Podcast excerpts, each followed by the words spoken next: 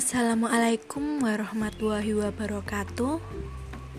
Pepanggihan malih kalian Trilasa Islaminah wonten ing podcast piwulang. Ing podcast piwulang episode kalih menika kula badhe ngandharaken babagan materi pasinaon bahasa Jawa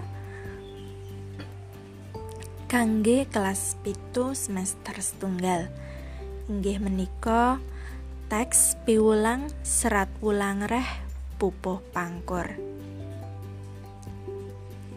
Kompetensi dasaripun inggih menika menelaah teks piwulang serat wulang reh pupuh pangkur lan menanggapi isi teks piwulang serat wulang reh pupuh pangkur Ancasipun inggih menika siswa dapat mengartikan kata-kata yang dianggap sulit yang terdapat dalam teks piulang serat ulang reh pupuh pangkur. Menjawab pertanyaan tentang isi teks piulang serat ulang reh pupuh pangkur. Menulis pokok-pokok isi teks piwulang serat wulang reh pupuh pangkur. Menanggapi isi teks piwulang serat wulang reh pupuh pangkur. Langsung mawon mlebet wonten ing materi. Serat wulang reh yaiku karya sastra kang awujud tembang anggitanipun Sri Susuhan Pakubuwono sekawan. Tembung wulang reh asale saka tembung wulang kang ateges pitutur utawi nasihat lan reh kang tegese laku utama utawi tumindak becik Serat wulang reh. Dumadi saka telulas tembung yaiku dandang gula kang cacahe wolung padha kinanti kang cacahe 16 padha gambuh pitulas padha pangkur pitulas padha masku mambang telung puluh papat padha megatroh pitulas podo durmo rolas podo wirangrong pitulikur podo pocong telulikur podo micil nemlikur podo asmorodono walulikur podo sinom telung puluh telu podo lan giriso kang cacahe selawe podo Ingkang badhe kula andharaken inggih menika serat wulang reh pupuh pangkur utawi tembang mocopat pangkur. Tembang mocopat yaiku tembang tradisional ing tanah Jawa. Diarani tradisional amarga kaiket dening guru gotra, guru wilangan lan guru lagu. Saben padha utawi bait macapat duweni baris ukara sing diarani gotra. Lan saben gotra duweni sawetara guru wilangan utawi suku kata tinamtu.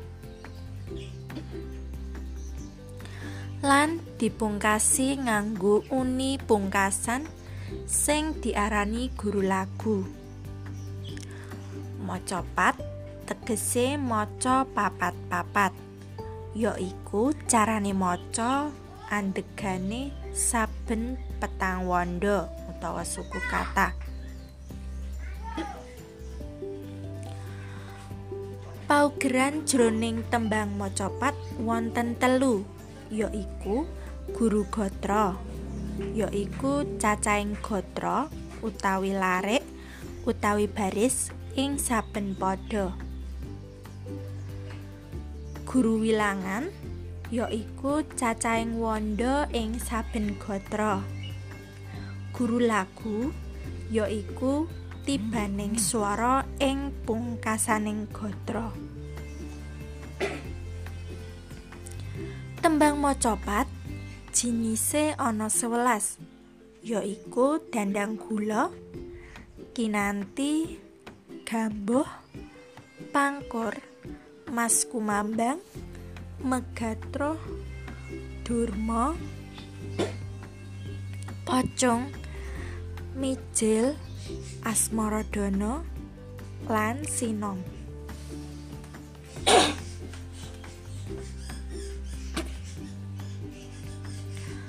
Saklajengipun kula badhe nembangaken tembang macapat pangkur.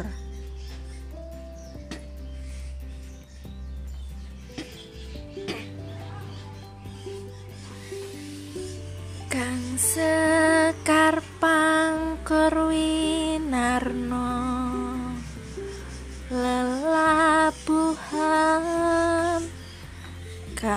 kang kanggo wong urip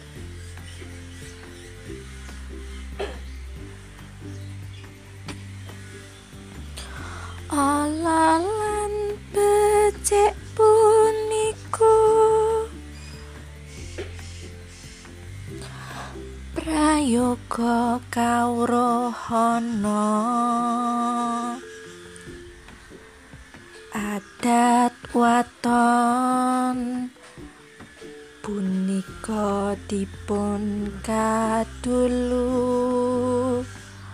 miwa ingkang tata krama. Den kaesti siang ratri.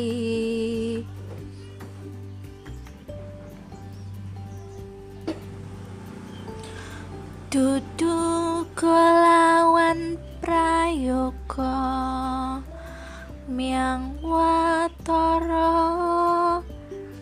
riringo ayu lali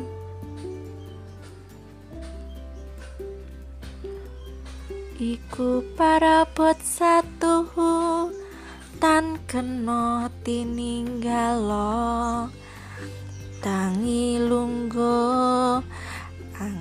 angatetuin lumaku angucap meneng anendro duka duka nora kari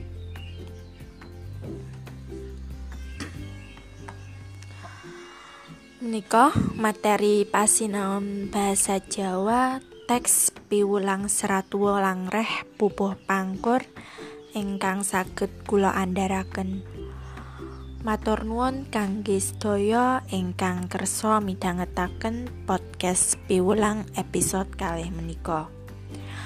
Wassalamualaikum warahmatullahi wabarakatuh.